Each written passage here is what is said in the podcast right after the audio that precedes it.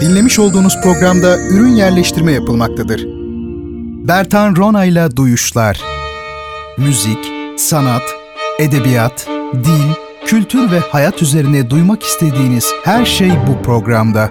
Bertan Ronayla Duyuşlar her çarşamba saat 22'de Samsun'un Gerçek Radyosu'nda. Bertan Ronayla Duyuşlar başlıyor. Çok değerli dinleyenlerim, Duyuşlar programı an itibariyle başlamış bulunmaktadır. Bugün 28 Nisan 2021 Çarşamba. Efendim görüşmeyeli iyi olduğunuzu ümit ediyorum. Şu anda Bertan Rona'yı dinlemektesiniz. Bendeniz bu programı sizler için hazırlıyorum ve her hafta Radyo Gerçek yayınında çarşamba geceleri saat 22'de sunmaya çalışıyorum efendim. Sanat, müzik, edebiyat ve düşünce ağırlıklı bir program duyuşlar bildiğiniz üzere. Son haftalarda daha kompakt, daha kısa içeriğimizle her hafta önemli bir düşünürün, sanatçının üzerinde duruyoruz veya genel nitelikte bir başka konuyu ele almış oluyoruz. Mesela geçen hafta şamanizm üzerinde çok çok kısa da olsa, ana hatlarıyla da olsa durmuştuk. Bu konudaki bilgilerimizi tazelemiştik. Efendim, başlamadan evvel sosyal medya hesaplarımızı verelim ve bu haftaki konumuza hemen eğilelim.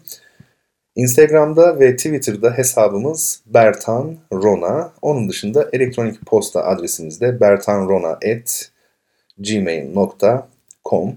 Ee, bu mecralardan bize doğrudan ulaşma imkanınız bulunmaktadır. Duyuşların eski bölümleri için ise Spotify, YouTube ve SoundCloud müracaat edebileceğiniz adreslerden bazılarıdır. Son derece etkileyici konuştum görüyorsunuz. Son cümlem hakikaten de böyle tam kitabi nitelikte değil mi? Bir radyo cümlesi oldu. Bazen de öyle söylenir. Yani başvuracağınız mecralardan bazılarıdır denir. Aslında dördüncüsü yoktur. Zaten üç tane. Ama cümle öyle gelmiştir.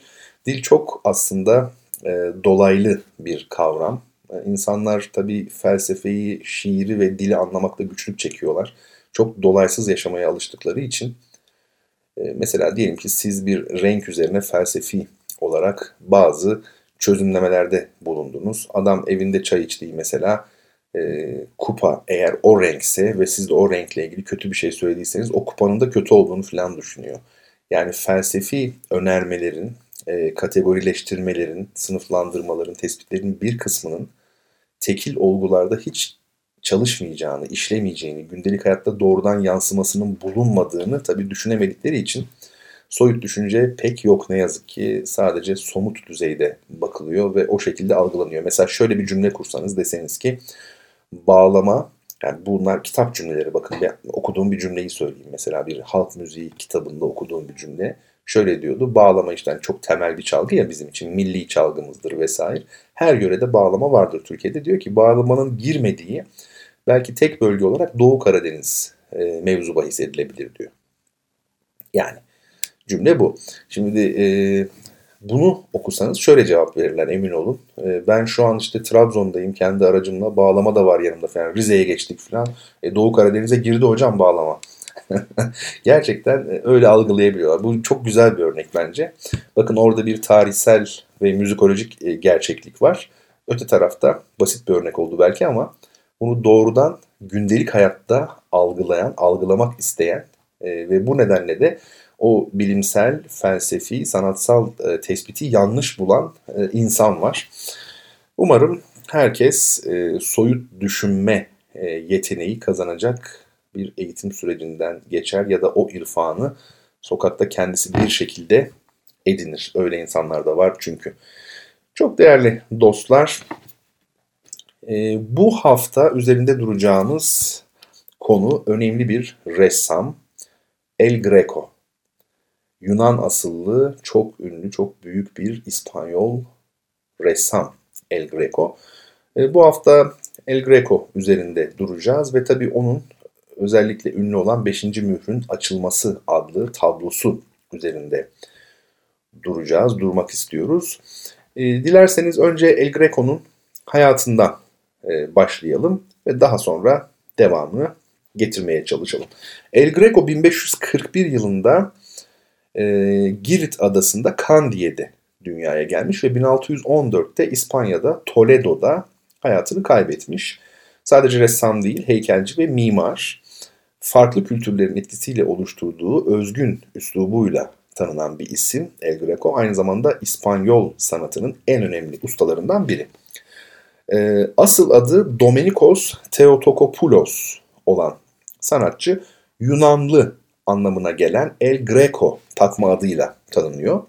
İlk resim bilgilerini e, o zamanlar Venedik yönetimine bağlı olarak sanatta Bizans geleneğini sürdürmekte olan Girit'te aldığı zannedilmekte. 1565'te Venedik'e gitmiş. Buradaki saraylar, kiliseler ve hemen tüm çevreyi süsleyen resimler ilgisini çekmiş. Tiziano'nun atölyesine girmiş ve ilk yapıtlarında öğretmenini kopya eden, hocasını kopya eden Greco, Venedik'teki öğrenimi sırasında en çok Tintoretto ile e, Michelangelo'dan etkilenmiş. 1576'ya değin İtalya'da kalmış, tapınağın temizlenmesi ve körün iyileştirilmesi gibi resimler yapmış ki bunların hepsi adlarından da anlaşılacağı gibi İncil'den alınan konular. E, El Greco'nun erken dönem yapıtları Tiziano'dan Dürer'e, Michelangelo'dan Orta İtalya manieristlerine kadar uzanan geniş bir sanatçı kuşağının etkilerini barındırıyor. Tüm bu etkilerin yanında alttan alta Bizans geleneği de e, sürüyor.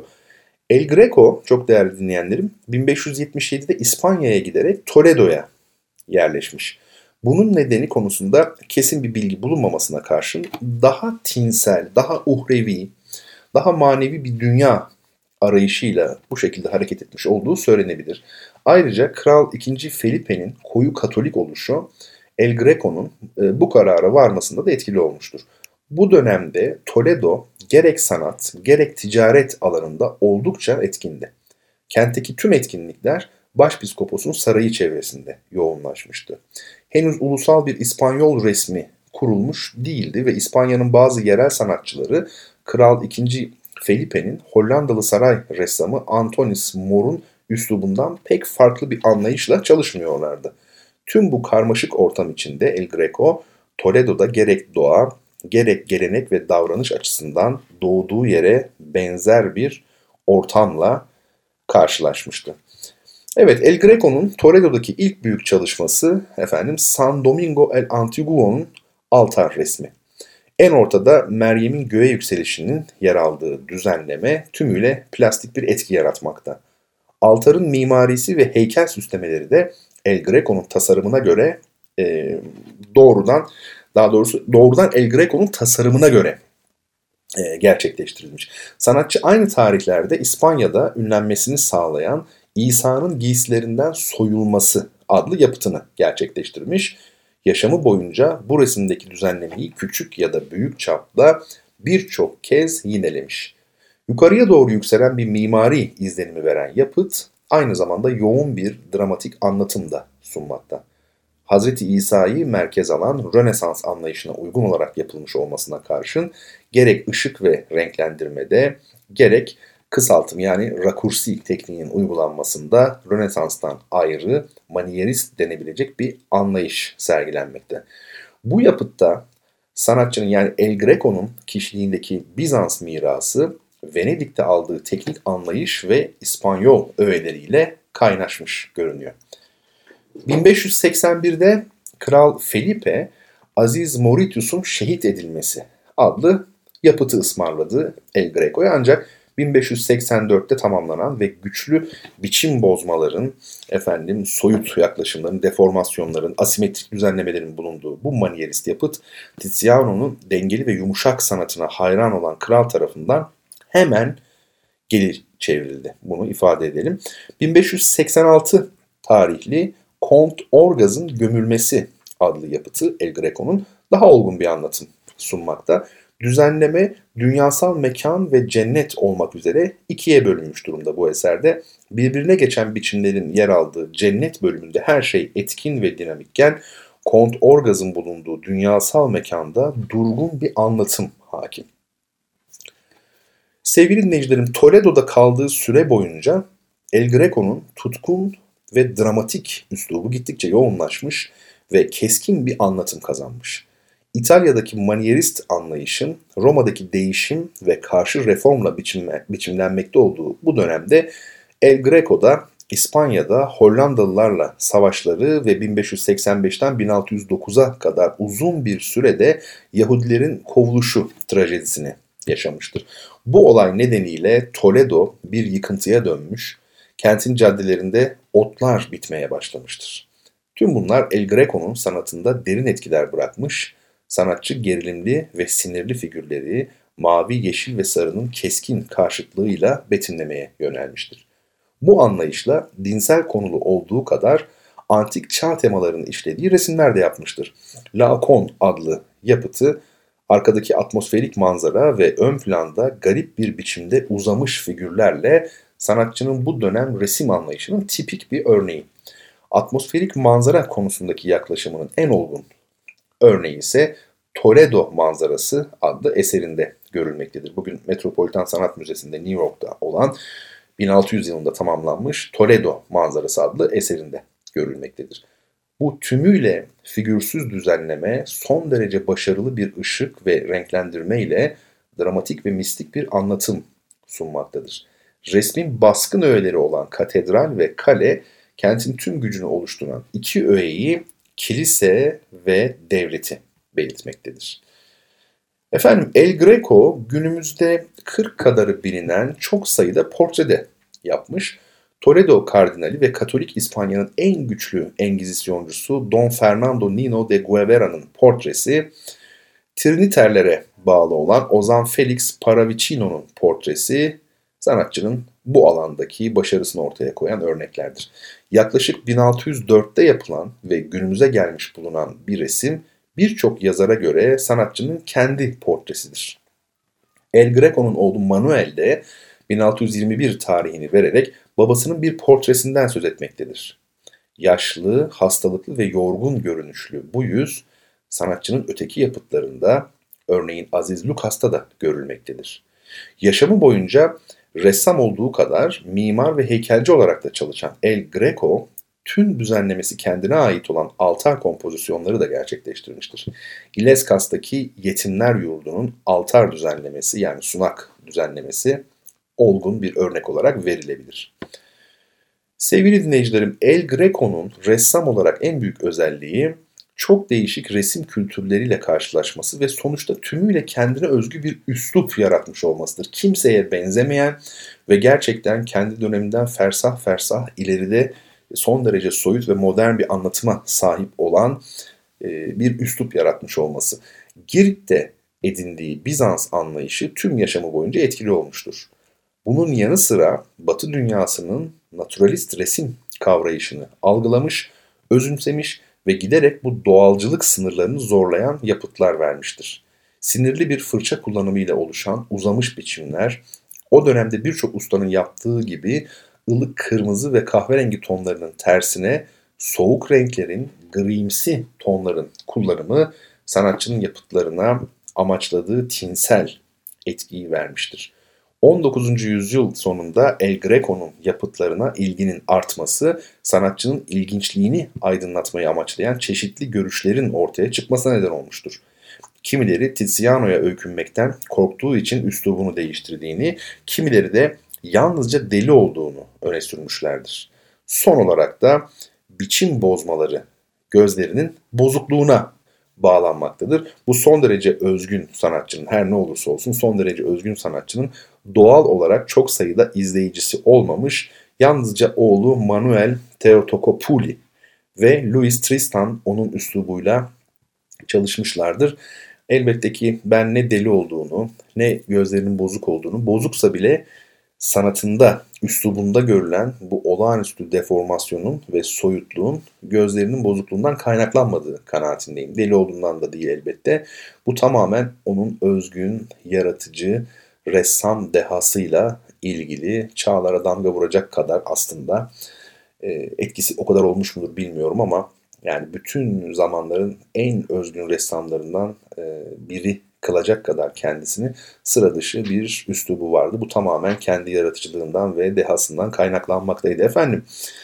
E, bütün bu bilgileri Eczacıbaşı'nın çok kıymetli, gerçekten çok değerli ve hepinize önerebileceğim sanat ansiklopedisinden sizlere aktardığımı özellikle ifade etmek istiyorum. El Greco ile ilgili derli toplu, doyurucu, gerçekten e, tatmin edici bir içeriği nerede bulabilirim diye düşündüğümde hemen her zaman müracaat ettiğim konservatuar yıllarında müzik okumama karşın e, genellikle tabii sanat ağırlıklı, tamamen sanat ağırlıklı yani resim, mimari, heykel ağırlıklı e, bir ansiklopedi almakla yani çok mutlu olduğum, çok doğru bir iş yaptığımı e, yıllar boyunca hep anladığım e, çok çok kıymetli bir eser Eczacıbaşı Sanat Ansiklopedisi. Bütün dinleyicilerime tavsiye ediyorum. E, edinebilirler. Biraz tabii fiyatı yüksek olabilir. Piyasada şu an var mı, yeni baskısı var mı onu da bilmiyorum ama dediğim gibi zamanında edinmekle çok iyi yapmışım. E, sık sık müracaat ediyorum. Bilgilenmek istediğim zaman kafama takılan şeyler olduğunda başvuruyorum gerçekten. Hakkını verdiğimde ama söyleyemem. O ayrı. Sevgili dostlar, e, tabii manierizm üzerinde de aslında biraz durmak lazım ama onu bir başka programa biz bırakalım. Manierizm nedir, ne değildir? Çünkü El, El Greco'dan bahsederken manierizm ismi de geçmiş oldu. Bu bir akım mıdır, yoksa bir dönem midir? Kendine has özellikleriyle nitelenen bir anlayış, bir espri, bir ruh, bir yaklaşım mıdır? Bunu da bir başka programa bırakmış olalım. Ben Instagram'da 5. E, mührün açılması yani e, sizlere bu gece tanıtmak istediğim 5. mührün açılması adlı e, tablonun temiz bir görselini bıraktım orada paylaştım sizlerle. El Greco'nun belki de en tanınmış, en bilinen eserlerinden biri olduğunu söyleyebiliriz 5. mührün açılmasının. New York Metropolitan Sanat Müzesi'nde bulunuyor bu eser. 2.25'e 1.99 boyutlarında bir çalışma. İncil'in son kitabı olan Yuhanna'nın Vahyi e, kitabından bir bölümü tasvir etmekte. Peki o bölüm hangisi? Ben önce onu okuyayım. Yani İncil'in son kitabı olan Yuhanna'nın Vahyinde e, 9 ile 11, 6. bölümde 9 ile 11. ayetler şöyle diyor. Kuzu 5. mührü açınca sunağın altında Tanrı'nın sözü ve sürdürdükleri tanıklık nedeniyle öldürülenlerin canlarını gördüm yüksek sesle feryat ederek şöyle diyorlardı. Kutsal ve gerçek olan Efendimiz, yeryüzünde yaşayanları yargılayıp onlardan kanımızın öcünü almak için daha ne kadar bekleyeceksin? Onların her birine beyaz birer kaftan verildi. Kendileri gibi öldürülecek olan öbür tanrı kullarının ve kardeşlerinin sayısı tamamlanıncaya dek kısa bir süre daha beklemeleri istendi. Evet burada ne anlatıldığı açık. Ee, burada e, Yuhanna, Aziz Yuhanna bir e, vizyondan bahsediyor. Yani aslında e, cennete, cehenneme, apokaliptik dünyaya yaptığı bir seyahatten söz etmekte. Yani gördüm diyor çünkü. Kuzu 5. mührü açınca diyor. Şunları şunları gördüm diyor. neyi görmüş Yuhanna?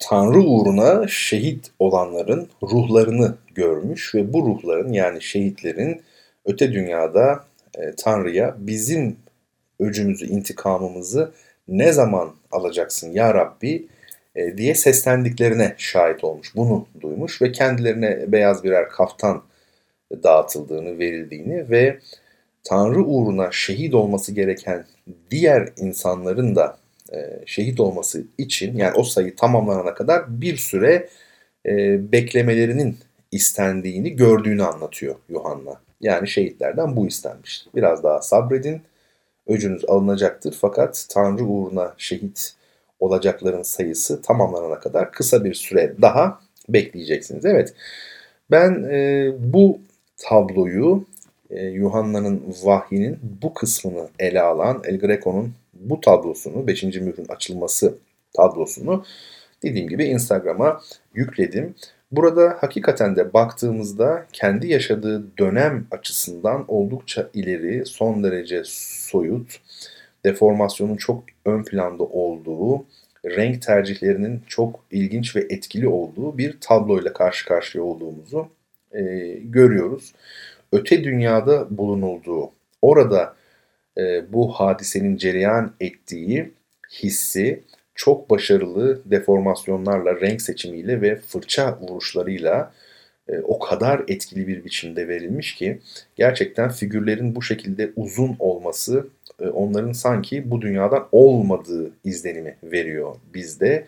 Ve e, çok böyle kasvetli diyebileceğimiz bir yapı da var ama aslında baktığınızda yeşil, sarı, kırmızı, mavi gibi renkler de var. Bütün bu canlı parlak renklere rağmen e, gökyüzünün resmediliş biçimi sanki kıyamet öncesinde olduğumuzu ve bu dünya dışında, bu dünyanın kurallarının geçmediği başka bir alemde bulunduğumuzu çok başarılı bir şekilde veriyor gerçekten. E, şimdi tabii bu renk tercihleri üzerine de pek çok şey e, söylenebilir, onu söyleyeceğiz ama şehitler e, beyaz kıyafetlerini almak için ellerini uzatıyorlar. Dediğim gibi figürler ince ve uzun. E, Parmigianino'nun e, uzun figürlerinden etkilendiği söylenir her zaman El Greco'nun. E, biz de bunu ifade edelim. Tabii konu bu dünyadan olmadığı için e, bu modern resim tekniği de aslında hiç rahatsız edici olmamış. Yani öte dünyayı anlatmak için e, soyut, tabiri caizse bu dünyadan olmayan bir resim tekniği hiç sırıtmamış oluyor. E, renklere baktığımızda dediğim gibi çok parlak renkler, canlı renkler olmakla birlikte özellikle gri ve tonları hakim gibi. Şimdi gri çok önemlidir. Tabi uçuculuğu veriyor. Bir de renk, daha doğrusu hayat dediğimizde akla renk gelir. Gökkuşağı gelir, renkler gelir değil mi? Çocuklara yakıştırırız. Veya işte efendim kadın hayat demektir. Kadın deyince akla renk gelir, renklilik gelir. E, gri ise rengin dolayısıyla hayatın karşıtı gibi. Yani diyelim ki renkli bir yazıdan rahatsız oluyor filanca belediye var ya böyle şeyleri duyuyoruz zaman zaman ne yapıyor? Griye boyatıyor filan. Gri gerçekten e, hayatın tam karşıtı gibi. Yani neşe yok, hayat yok, her şey tek tip, renksizlik, sıkıcılık yani korkunç bir şey gerçekten. Efendim bu arada opera sanatında, opera tiyatrosunda biz ruhların genellikle yani öte dünyadan haber veren ruhların, bizim dinimize göre ruhların bu dünyaya gelmesi öyle mümkün değil tabii de bu tamamen e, Hristiyan anlayışıyla biçimlenmiş bir sanat olduğu için bu kaynak kitaplar da e, batıda yazılmış kitaplar olduğu için öyle söylüyoruz. Yoksa bizim dinimize göre e, ölmüş bir insanın ruhunun bu dünyayla iletişim kurması mümkün değil. Yani o işte ruh çağırma seansları falan filan bunlar tamamen e, palavradan ibaret. Sadece tasavvufta fetih hali denen çok özel e, bazı mertebelere ulaşmış, bu hali yaşayarak ulaşmış e, çok büyük bazı zevatın e, bu dünyada kendi fiziksel görünümüyle öldükten sonra bile iletişim kurduğu söylenir. Bu ayrı bir konu ama ruhlarla temas bizim e, dinimizde söz konusu değil. E, şimdi opera tiyatrosunda bu ruhlar işte yok efendim Hamlet'te olsun veya başka bazı eserlerde işte ruh geliyor ya ölmüş bir kişinin ruhu. Efendim gri ile sembolize edilir. Yani eski rejisörler e, hep ölüler dünyasını gri ile ifade ederlermiş. E, çünkü gri renksiz ve hayatın e, karşıtı ve tabii nötr bir e, özelliği de var gri'nin. E, dolayısıyla o ruhun cennete mi yoksa cehenneme mi gideceği konusundaki belirsizliği ve nötrlüğü de vermiş oluyor. E, bu açıdan baktığımızda böyle ilginç bir yönü de var. Evet ben her zaman olduğu gibi yine sizleri meraklandırmayı başardığımı düşünüyorum. Yani amacım burada El Greco sanatı üzerinde derinleşmek değil. Hem benim uzmanlık alanım değil. Çok daha e, kapsamlı anlatabilirim o ayrı ama öte yandan programın e, kapsamı da e, bunun için yeterli değil. Duyuşların kapsamı. Biz her hafta bu çarpıcı, bu yoğun, bu insanı kendine yabancılaştıran, insanı iyiden, güzelden, doğrudan uzaklaştıran e, gündem karşısında kendi gündemimizi oluşturalım. E, biz sanat tarihinden, felsefe tarihinden, edebiyat tarihinden, müzik tarihinden güzel örnekler seçelim, ilginç konular seçelim. Hem kendimizi geliştirelim hem de biraz ferahlayalım istiyoruz. O bakımdan benden işaret etmesi efendim. Eğer ilginç bulduysanız sizler de araştırırsınız ki ben zaten kaynak kitap olarak da hiç olmazsa kendi yararlandığım e, mesela sanatçının hayatını okuduğum kitabı, ansiklopediyi sizlerle paylaşıyorum. Oradan da yola çıkabilirsiniz. Çok sevgili dinleyenlerim bir hafta daha e, sona ermiş olduğu duyuşlarda bu hafta konumuz El Greco'ydu. Ve duyuşları sonlandırıyoruz. Haftaya efendim, haftaya ayın 5'i oluyor yanılmıyorsam. 5 Mayıs 2021 Çarşamba gecesi saat 22'de Radyo Gerçek yayınında bendeniz yine sizlerle birlikte olmayı ümit ediyorum. Yine yeni ve son derece güzel bir konumuz olacak inşallah. Allah sağlık saat verirse buluşacağız ve programımızı yapacağız. O güne dek kendinize iyi bakın çok değerli dostlar. Görüşmek dileğiyle.